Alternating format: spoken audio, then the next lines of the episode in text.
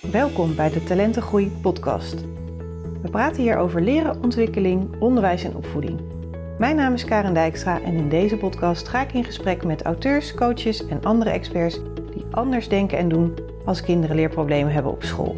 En hierbij kijken naar kwaliteiten en talenten in plaats van tekorten. Positief en praktisch.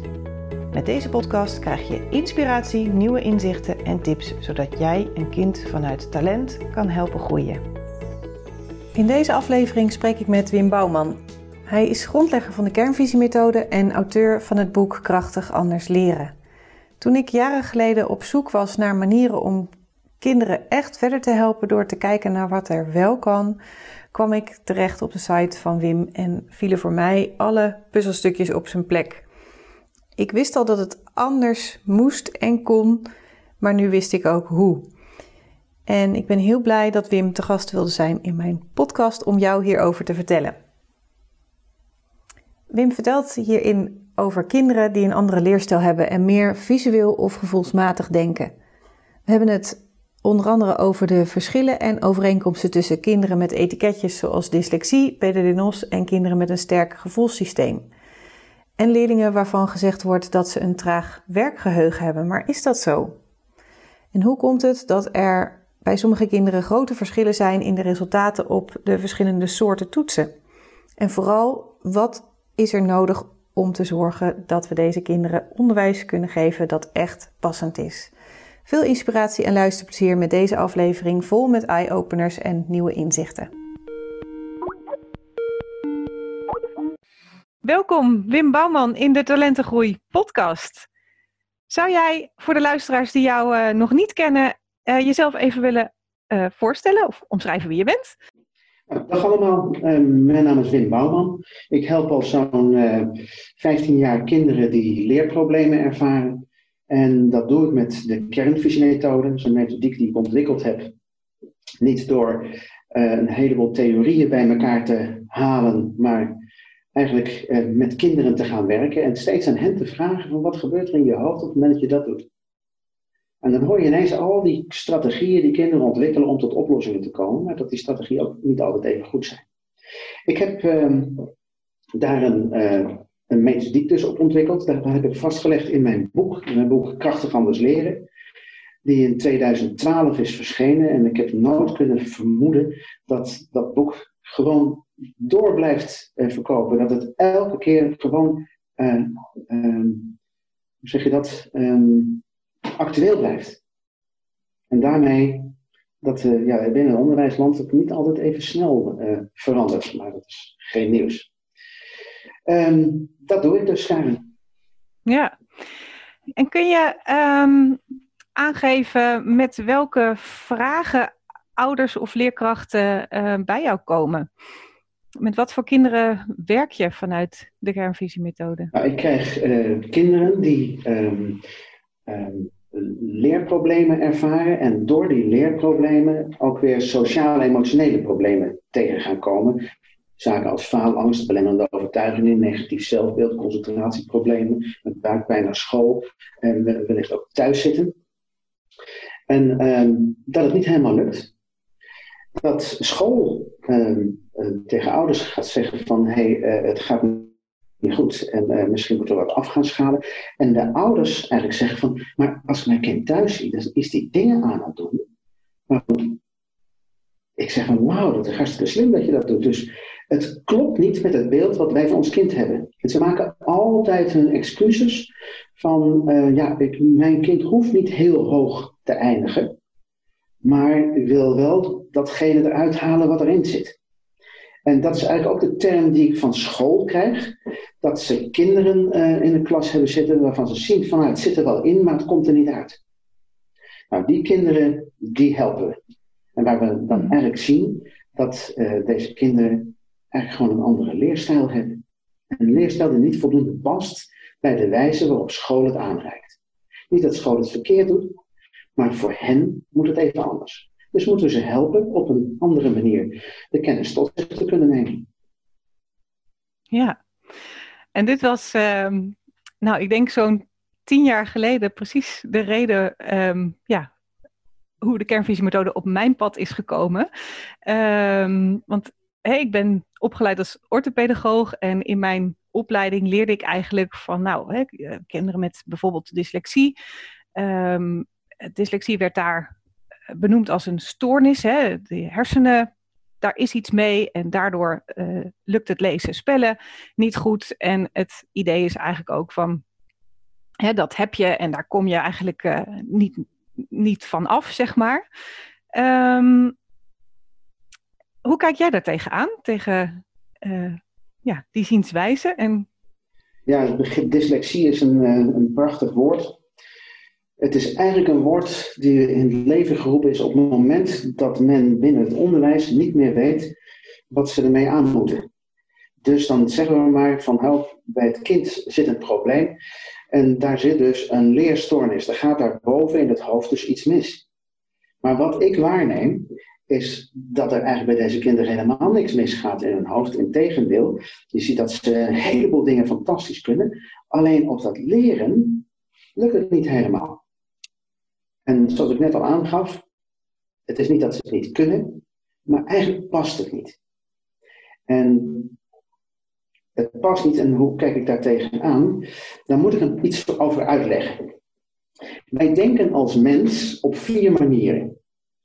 Wij kunnen uh, visueel uh, denken. probeer maar eens even in je gedachten, en ik hoop dat de luisteraar dat ook doet, in de gedachten gewoon eens even terug te gaan naar een vakantiemoment van, niet van dit jaar, maar van van afgelopen jaar.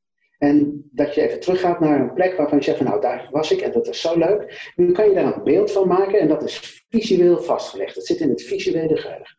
Dat is de eerste. De tweede is auditieve geheugen. Ik ben nu wat aan het vertellen en misschien heb je nu net die podcast gehoord en vervolgens um, um, kom je iemand tegen en dan kan je het een en ander daarover vertellen en soms kan je hem gewoon letterlijk citeren.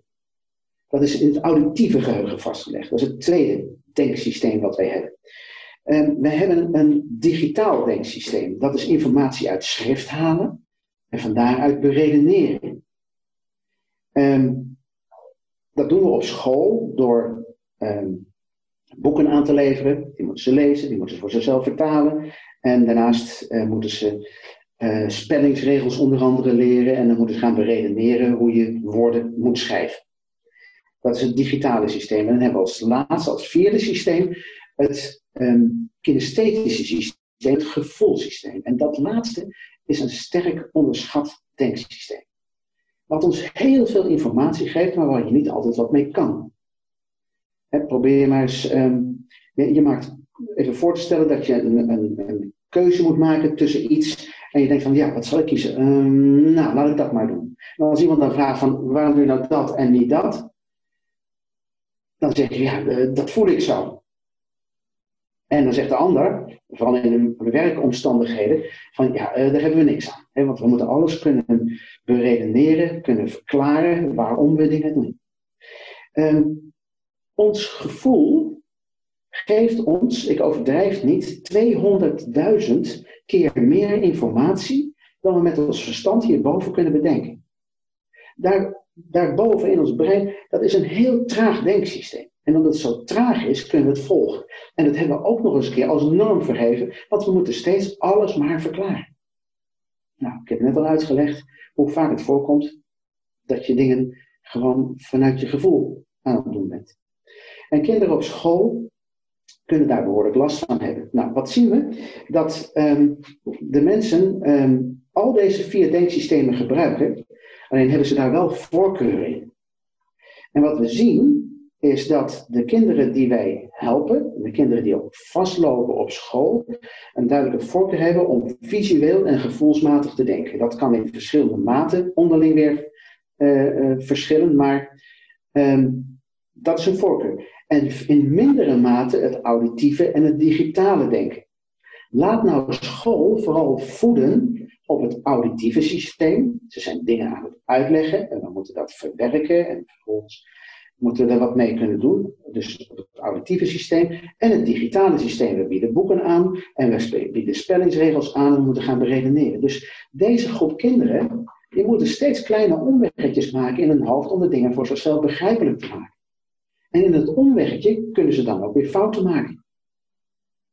En daar zit eigenlijk een centraal probleem. Dus we moeten de kinderen eigenlijk zo kunnen helpen dat, ze, dat we aansluiten op hun voorkeursdenken. Dat is dus hun manier van denken en doen en dat noemen we dan hun leerstijl. Dus een leerstijl is niet van, hé, hey, dat is de manier waarop ze leren, de manier van denken en doen. Ik kan blind zeggen tegen een ouder, één van jullie beiden weet precies waar het hier over gaat. En dan steekt er altijd eentje zijn hand op. Niet dat die, bij die ouder ook datzelfde leerprobleem hoeft te zijn ontstaan, maar die manier van denken en doen wordt één op één doorgegeven. En daar is men, men in de wereld van de dyslexie uh, vaak zo onduidelijk van hoe zit dat dan? Is het wel erfelijk, is het niet erfelijk? die manier van denken en doen is erfelijk en daarmee het niet goed passen bij de wijze waarop school het aanreikt. En dat is een hele lastige, want deze benadering die kent het onderwijs niet goed. En dat betekent dus dat eh, bij de aanpak voor deze kinderen school handelingsverlegen is. Nou, ik help de kinderen, ik help daarnaast dus ook de, uh, de scholen, leerkrachten, uh, kindercoaches met opleiden en kennis overdragen van de kernvisiemethode om hen handelingsbekwaam te maken uh, om deze kinderen ook op een goede manier te kunnen helpen. En wat we zien, dat als we de kinderen op deze manier hulp bieden, dat ze vanaf het eerste moment direct resultaten gaan boeken. Meteen zelf gaan merken van veroost. Als ik het zo doe, lukt het me wel. Het lijkt bijna wel een trucje, maar dat is het niet. Het is gewoon een andere manier van leren. Ja, ik zie het zelf ook in de praktijk. En het is een fantastische ontdekking als je ziet dat kinderen, um, zodra ze het op een andere manier gaan doen, dat het hen wel lukt en dat het enorm veel doet in hun, uh, in hun zelfvertrouwen. Um, en, daarmee ook uh, ja, motivatie voor school, uh, et cetera. En je noemde net al eventjes, nou ja, eigenlijk heel veel verschillende dingen al. Um, dat ook volwassenen kunnen hier natuurlijk mee, mee te maken hebben, zeg maar. Om, omdat die manier van denken bij je hoort, zeg maar. En denk daarmee dat het ook heel belangrijk is om dit tijdig te weten en tijdig inderdaad het anders aan te kunnen pakken, zodat je heel veel ja, narigheid in de toekomst zeg maar, uh, voorkomt. En um, hè, we hebben het net gehad over uh, dyslexie. En eigenlijk, zelf hou ik niet zo van hokjes, maar het praat nou eenmaal wat makkelijker um, om te herkennen waar het over gaat. Zijn er nog andere groepen kinderen, zal ik maar zeggen, ja, die, um, ja, die deze manier van denken en leren bij zich hebben. En um, dus, uh, nou ja. Ehm, als je zegt over groepen van kinderen, wat wij zien, is dat bijvoorbeeld uh, kinderen die. we hebben al heel snel dat we allerlei uh, etiketten willen opleggen aan kinderen, zodat we in ieder geval maar weten waar we ze weg kunnen zetten. Maar bijvoorbeeld kinderen die wat meer in het autistische spectrum zitten, dat zijn eigenlijk kinderen die in een vergrote mate sterk voelen.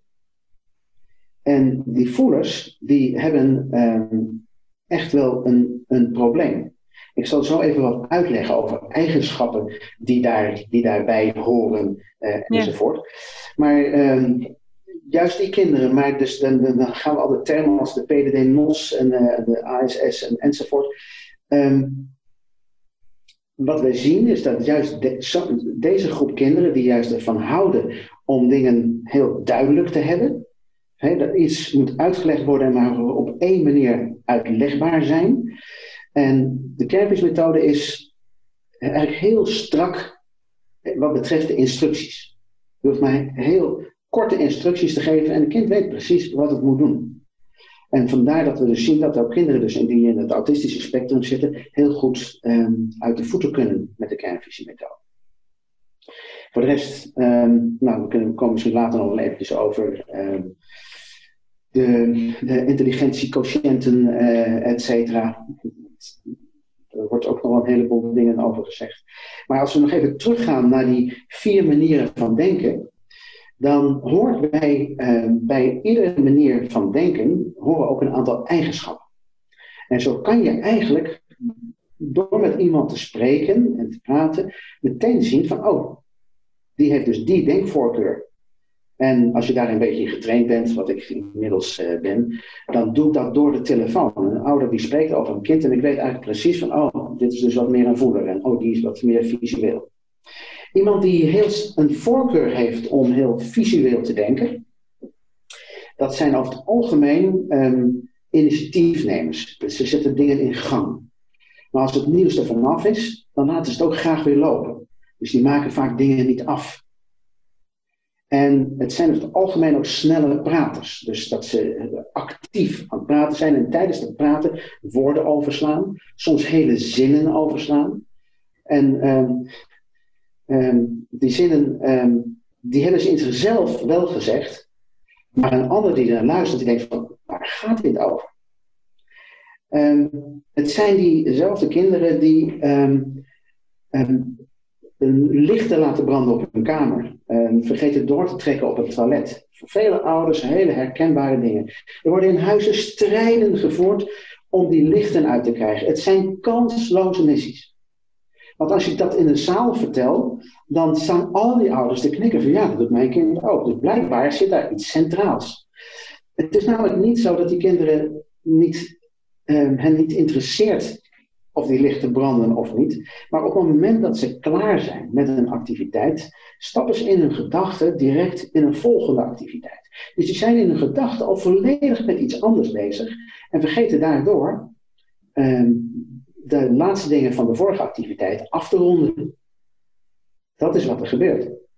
En um, en dat moet je dan even weten. En als je dan toch die lichten uit wil krijgen, dan is het goed om die kinderen um, wat um, dingen uit te leggen. Want het zijn namelijk keien in het zien van verbanden. Dus als je ze uit kan leggen van, hé, hey, wij, krijgen iedere maand een energierekening. En um, dat betekent dus dat iedereen hier in huis een eigen portie energie tot zijn beschikking heeft. En dat betekent dus dat als jij het daar laat branden, dan kan je het daar eh, op een andere plek minder gebruiken. Nou, laat ze graag achter de iPads en andere energieversnellende apparaten zitten. Ja, dan kan je daar dus minder achter, niet als straf, maar jouw energie is op. En dan maak je ze een beetje bewust van, hé, hey, er liggen um, um, uh, verbanden in het gebruik van energie enzovoort. Nou, dat moet je ze uh, even duidelijk maken. Um, dat zijn die visuele.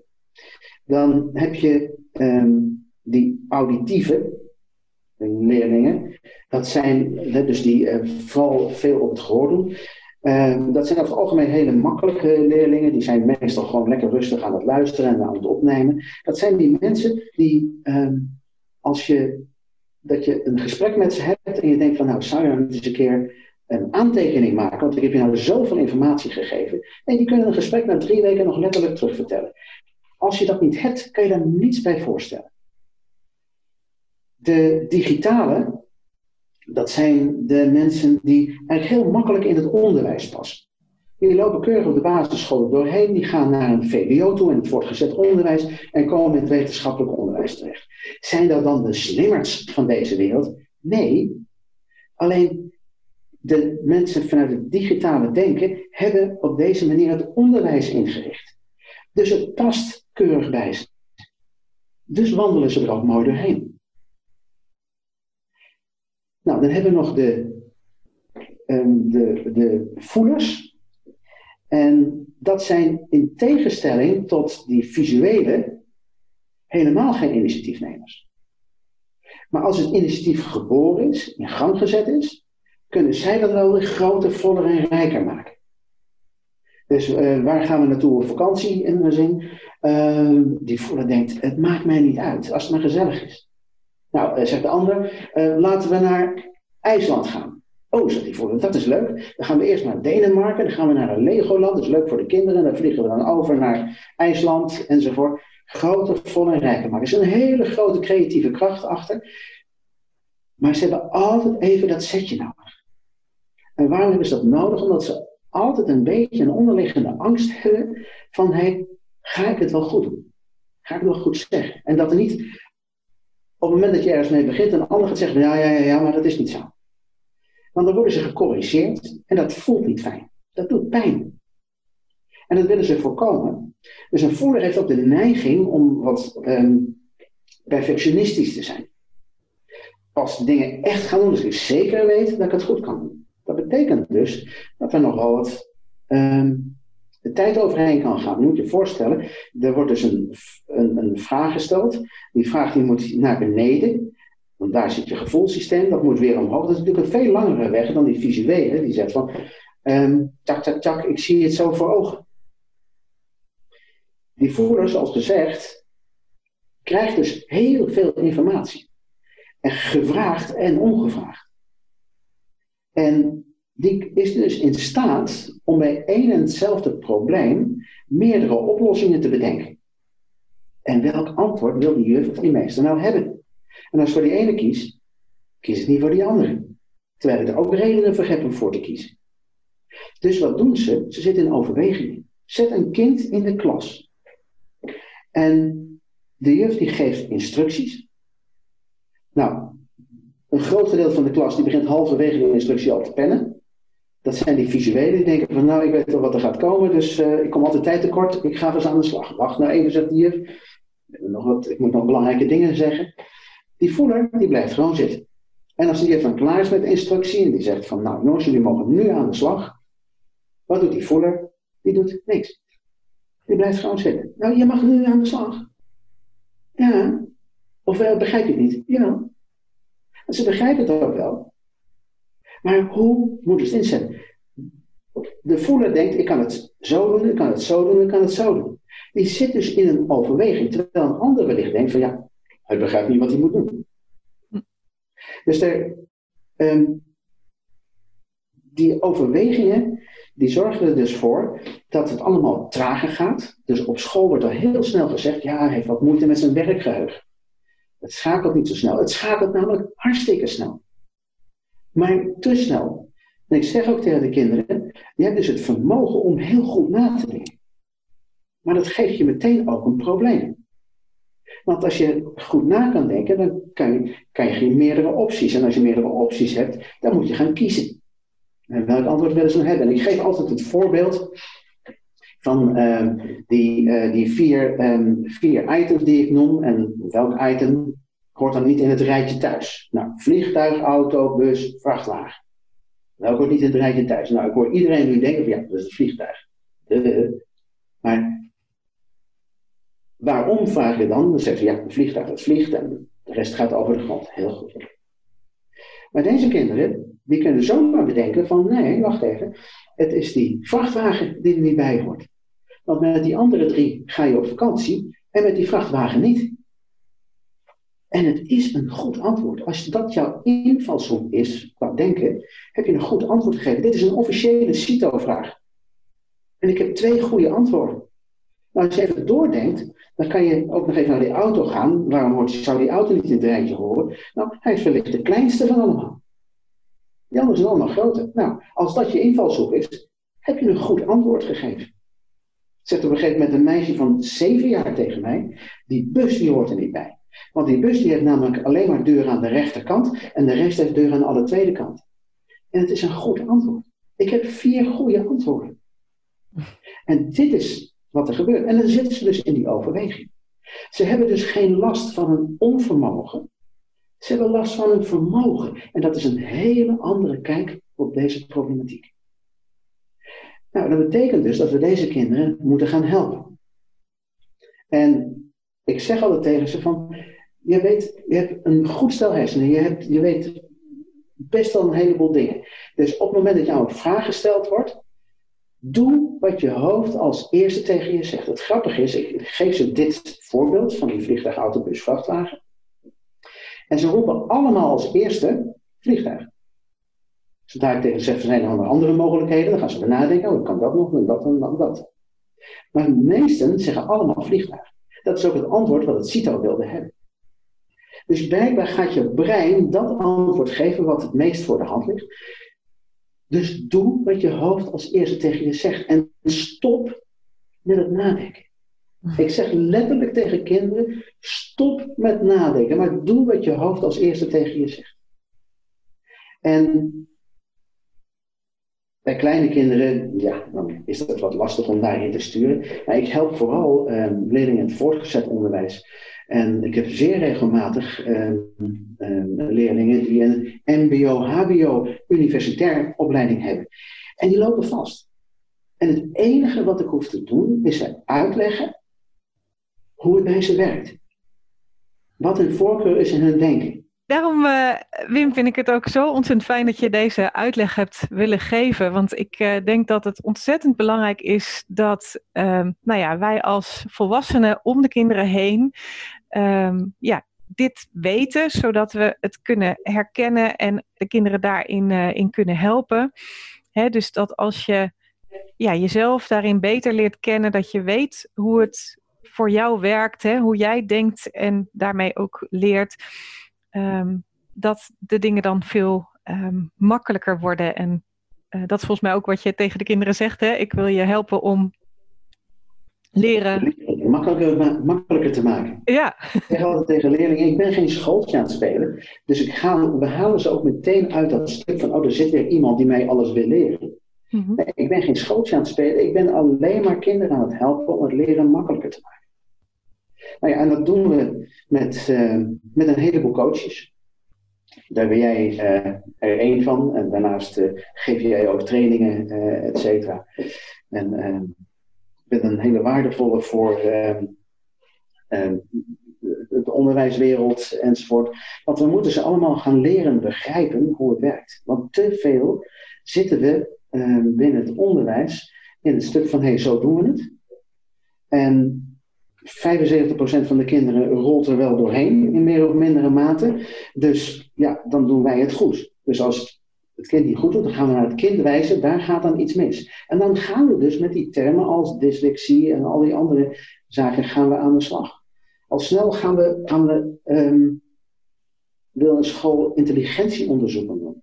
Hm. De vraag is maar of zo'n kind past bij de wijze waarop de intelligentietest is uitgevoerd, of wordt uitgevoerd. En, um, en of dat wellicht invloed heeft op de uitkomst. Die uitkomst hebben de neiging om die echt als waarheid te nemen. Mm-hmm. Ik ben te vaak tegengekomen dat ze voor eigenlijk helemaal niet kloppen. Um, maar vaak komt er dus uit dat er bijvoorbeeld een, een zogenaamd disharmonisch profiel is. Ja. Het, um, de verhouding tussen de verbale intelligentie en de, en de um, performale intelligentie. Um, school schikt daarvan, en die snap ik wel. maar eigenlijk begin ik te juichen op het moment dat ik dat disharmonische profiel hoor. Want dat zijn namelijk de kinderen die precies passen bij de kernvisiemethode. En hoe komt dat? Dat disharmonische profiel geeft eigenlijk alleen maar aan dat deze kinderen op een andere manier denken en doen. En school schikt daarvan natuurlijk omdat deze dus niet goed aansluit op de wijze waarop school het aanreikt. Dus ontstaat er een probleem. Het enige is dat het begrip passend onderwijs we eigenlijk een, een, andere lading moeten geven. Dat we op dit moment nog steeds de kinderen proberen te laten passen in het onderwijs. Maar we moeten het onderwijs zo maken dat het bij het kind past. Mm-hmm. En dan gaan de dingen veel beter lukken. Ja. Dus ja, binnen het onderwijs is nog een, uh, een hele slag te maken. Uh, want we zien dan dat op het moment dat een kind bijvoorbeeld uh, achter aan het lopen is, en we hebben een leerling-vol systeem, en daarvan zeggen we van nou, een kind is zo oud, zit in die klas, dus die moet dat kunnen. Daar zit wat klein een beetje speling tussen, maar ja, wijkt dat te sterk af, dan ontstaat er een probleem. En, en voor je het weet, gaan we daar plannen voor maken. En zo wordt er binnen het onderwijs het zogenaamde ontwikkelingsperspectiefplan gemaakt, het OPP. En dat ontwikkelingsperspectiefplan die maakt dus een analyse van hey, wat is in het verleden gebeurd. En vervolgens gaan we dat, die curve doortrekken, dus extrapoleren. En wat we dan zien, in heel veel gevallen, dat een kind bijvoorbeeld op rekenen um, um, op groep 6 niveau, in groep 8, op groep 6 niveau, um, uiteindelijk zal gaan eindigen. Mm. Dat doen we vanuit een fantastisch goede intentie, want we willen de kinderen niet hun tenen laten lopen, niet laten frustreren enzovoort. Maar intussen, ik zit straks een kind in groep 8, die komt op groep 6 niveau uit en we geven ze gewoon met 2 meter, 8, 2 uh, jaar achterstand zo door naar het voortgezet onderwijs en daarmee dus het probleem mee naar het voortgezet onderwijs. Dat moeten we niet willen.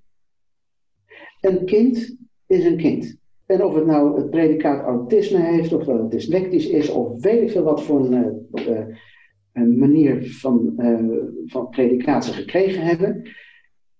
Dit kind moet straks de, op de manier zoals het is, die grote mensenwereld in. Mm. Dus we moeten ze zo helpen dat dat op hun niveau op een goede manier gaat lukken. Dat is het doel. En dat betekent dus niet dat je in de standaarden kan gaan zitten van dan moeten we het altijd maar zo doen. Nee, we moeten gewoon goed kijken. Nou, dat leren we de kernvisiecoaches om goed te kijken naar de leerling en dat er niet een vast programma aflopen draaien, maar gewoon kijken van hé, hey, wat weet je wel, wat weet je niet, alles wat je wel weet. Oké, wat je niet weet, dat moeten we nog aanvullen. En bij jou moet het een beetje zus en bij de andere moet het een beetje zo. En dan maken we het passend voor het kind. Ja, mooi. Ja, en ehm, nog even, want um, zijn de kinderen die bij een coach eh, komen en die dan leren hoe ze het op een andere manier uh, kunnen doen. Hoe slaat dat dan aan op school? Want scholen hebben natuurlijk al een hele kluif aan nou ja, alle kinderen goed begeleiden. En nou ja, er wordt steeds meer van hen verwacht. Dus vaak, uh, nou ja, begrijpelijk ook kunnen leerkrachten schrikken van... oh, hè, dit kind moet op een andere manier leren... dan moet ik mijn hele lespalet uh, om gaan zetten. Hoe, hoe, um, hoe zit dat? Ja, um, ten eerste heb ik groot respect voor alle mensen binnen het onderwijs, want ik geef het je te doen om kinderen van sketch af aan dingen aan te leren, et cetera. Ook nog eens een keer uh, flink gevulde klassen. Uh, en dus het is bijna onmogelijk om alle kinderen apart aandacht te geven. Maar tegelijkertijd moeten we ons ook realiseren dat dat dan wel zo is. Ja. En dat, um, dat betekent alleen, wij weten inmiddels uit ervaring dat we dit even niet op het bordje van de leerkracht moeten gaan leggen. Dus wat wij doen tijdens de coaching, ten eerste een hele goede afspraken maken, een commitment maken met de leerling en met de ouders van hé, hey, we gaan met elkaar aan de slag. Er zal ook wat geoefend moeten worden. En jij zal straks zelf het uit moeten voeren. Dus we gaan het de kind zo leren dat ze het zelf kunnen doen. Het een hele, zijn simpele handelingen, maar ze moeten het zelf uitvoeren. En dat kunnen ze dus ook in de klas.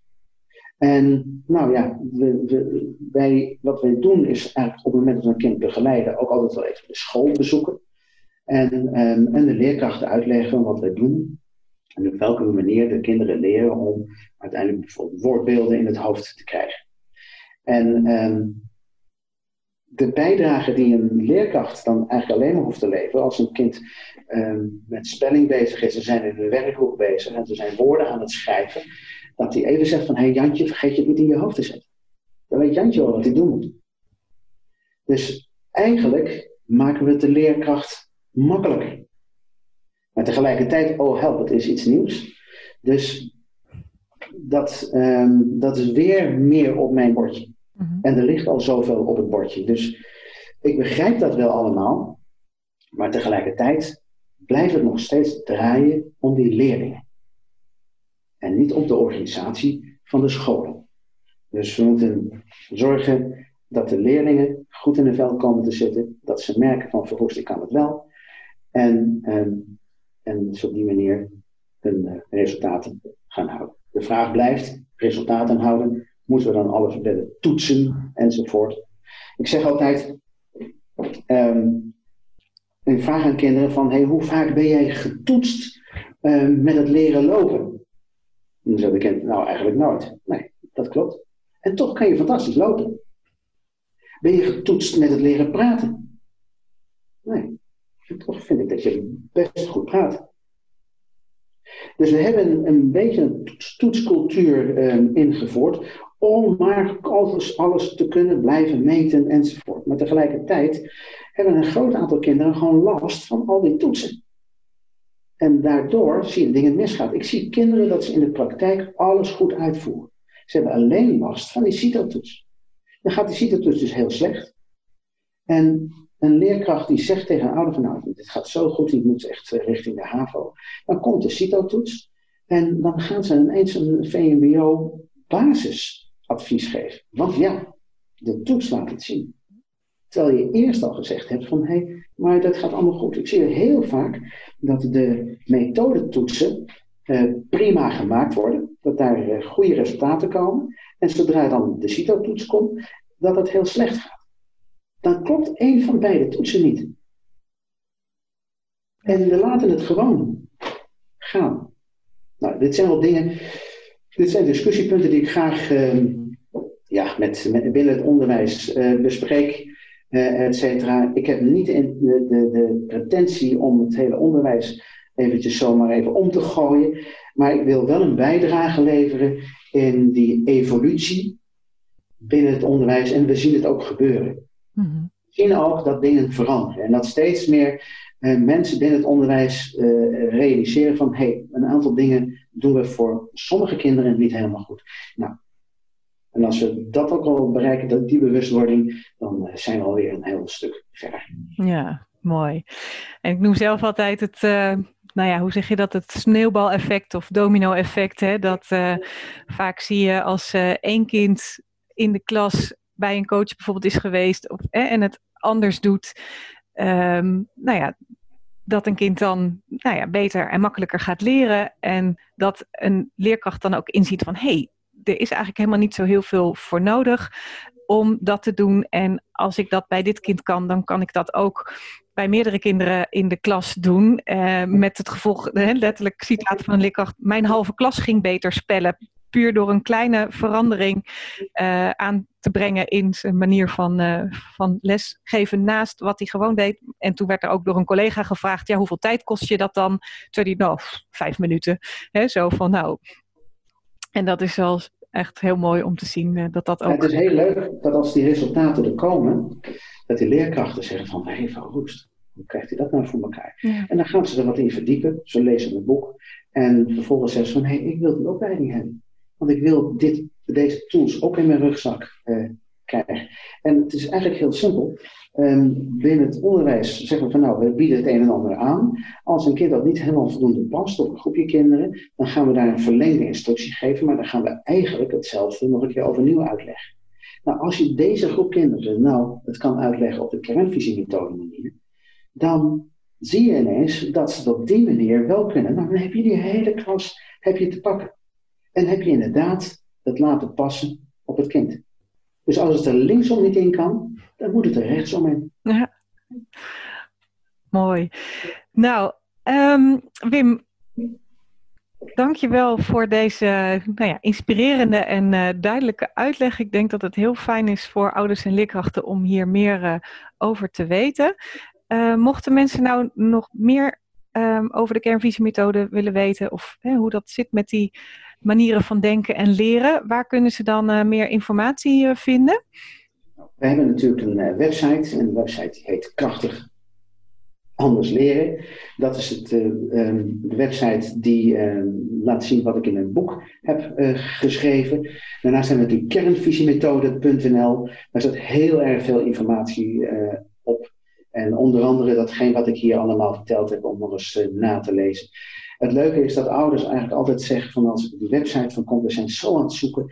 En hier gaat het ineens over mijn kind. Nou, dat vind ik altijd zo'n compliment, want dan weet ik ook dat wij met elkaar op het goede spoor zitten. Dus uh, www.kernvisiemethode.nl, daar staat heel veel informatie. Ja, en daar staat volgens mij ook uh, een link naar uh, het boek eventueel. En volgens mij heb je ook nog een e-book geschreven wat mensen kunnen downloaden. Ja, ook op de website staat daar um, een, een link die men kan downloaden. En dat is een, een e-book en die gaat over een, een jongetje die um, leerproblemen ervaart. En we laten eigenlijk in, uit, vanuit drie verschillende invalshoeken zien hoe iedereen er tegenaan kijkt. Vanuit het jongetje zelf, vanuit de leerkracht, vanuit de ouder. En allemaal hebben ze een ander beeld van wat er eigenlijk speelt. En dat is eigenlijk het stuk wat hier aan de hand is. Uh, dat is mijn e-book. Uh, daarnaast uh, geef ik regelmatig eh, lezingen. Dat doen we in de vorm van een webinar. Op de website kernvisiemethode.nl staat een agenda en daar staan al die data vermeld. Dus als je zegt, ik wil nog eens even wat meer daarover horen, dan is daar een webinar van anderhalf uur. Daar kan je gratis gebruik van maken. En dan leg ik het een en ander uit. Nou, mooi. Genoeg mogelijkheden om meer te weten en Wim, nogmaals heel hartelijk dank uh, voor dit gesprek. Met plezier gedaan. Dankjewel. Dankjewel voor het luisteren naar deze aflevering. Wil je op de hoogte blijven van nieuwe afleveringen? Abonneer je dan door in je podcast-app te klikken op de button abonneer of subscribe. Vind je deze aflevering interessant en ken je iemand die baat zou hebben bij deze podcast? Dan zou ik het super vinden als je de podcastaflevering deelt of doorstuurt. Bijvoorbeeld door een screenshot te maken of de link te delen vanuit iTunes of Spotify. Klik op de drie puntjes en vervolgens op delen. Zo help jij andere ouders of collega's in het onderwijs en daarmee nog meer kinderen bij wie leren niet vanzelf gaat. Dankjewel als je dat wil doen. Het is mijn intentie om waardevolle inzichten te delen en hiermee zoveel mogelijk ouders en leerkrachten te bereiken. En een handvatten te geven zodat zij kinderen kunnen helpen hun talenten te leren kennen en in te zetten zodat ieder kind weer met plezier en vol zelfvertrouwen naar school gaat. En zij als kind en als volwassene kunnen leren en leven vanuit talenten. Ondersteun je mijn missie? Geef mijn podcast dan bij reviews bijvoorbeeld 5 sterren en als je wil ook een geschreven review. Dit kan heel makkelijk in jouw podcast-app. Loopt jouw kind of leerling vast op school en heb je het gevoel dat het anders kan? Lees dan mijn boek In 10 stappen leren vanuit talent. Ik zou het leuk vinden als je het bestelt via mijn website maar het is ook te koop via alle boekhandels of te leen in de bibliotheek. Ik vind het altijd leuk om berichtjes te ontvangen van jou als luisteraar om te horen wat je van een aflevering vindt of als het je een bepaald inzicht heeft gegeven. Stuur me dan even een mailtje via karen.talentengroei.com of een persoonlijk bericht via LinkedIn of Instagram. Zoek op Karen Dijkstra. Karen is met een E. En talent en groei, dan kan het niet missen. Dit kan uiteraard ook als je een vraag of suggestie hebt. De audiobewerking van deze podcast is verzorgd door Jeroen Sturing. Ik kijk alweer uit naar een volgende podcast. Graag tot dan.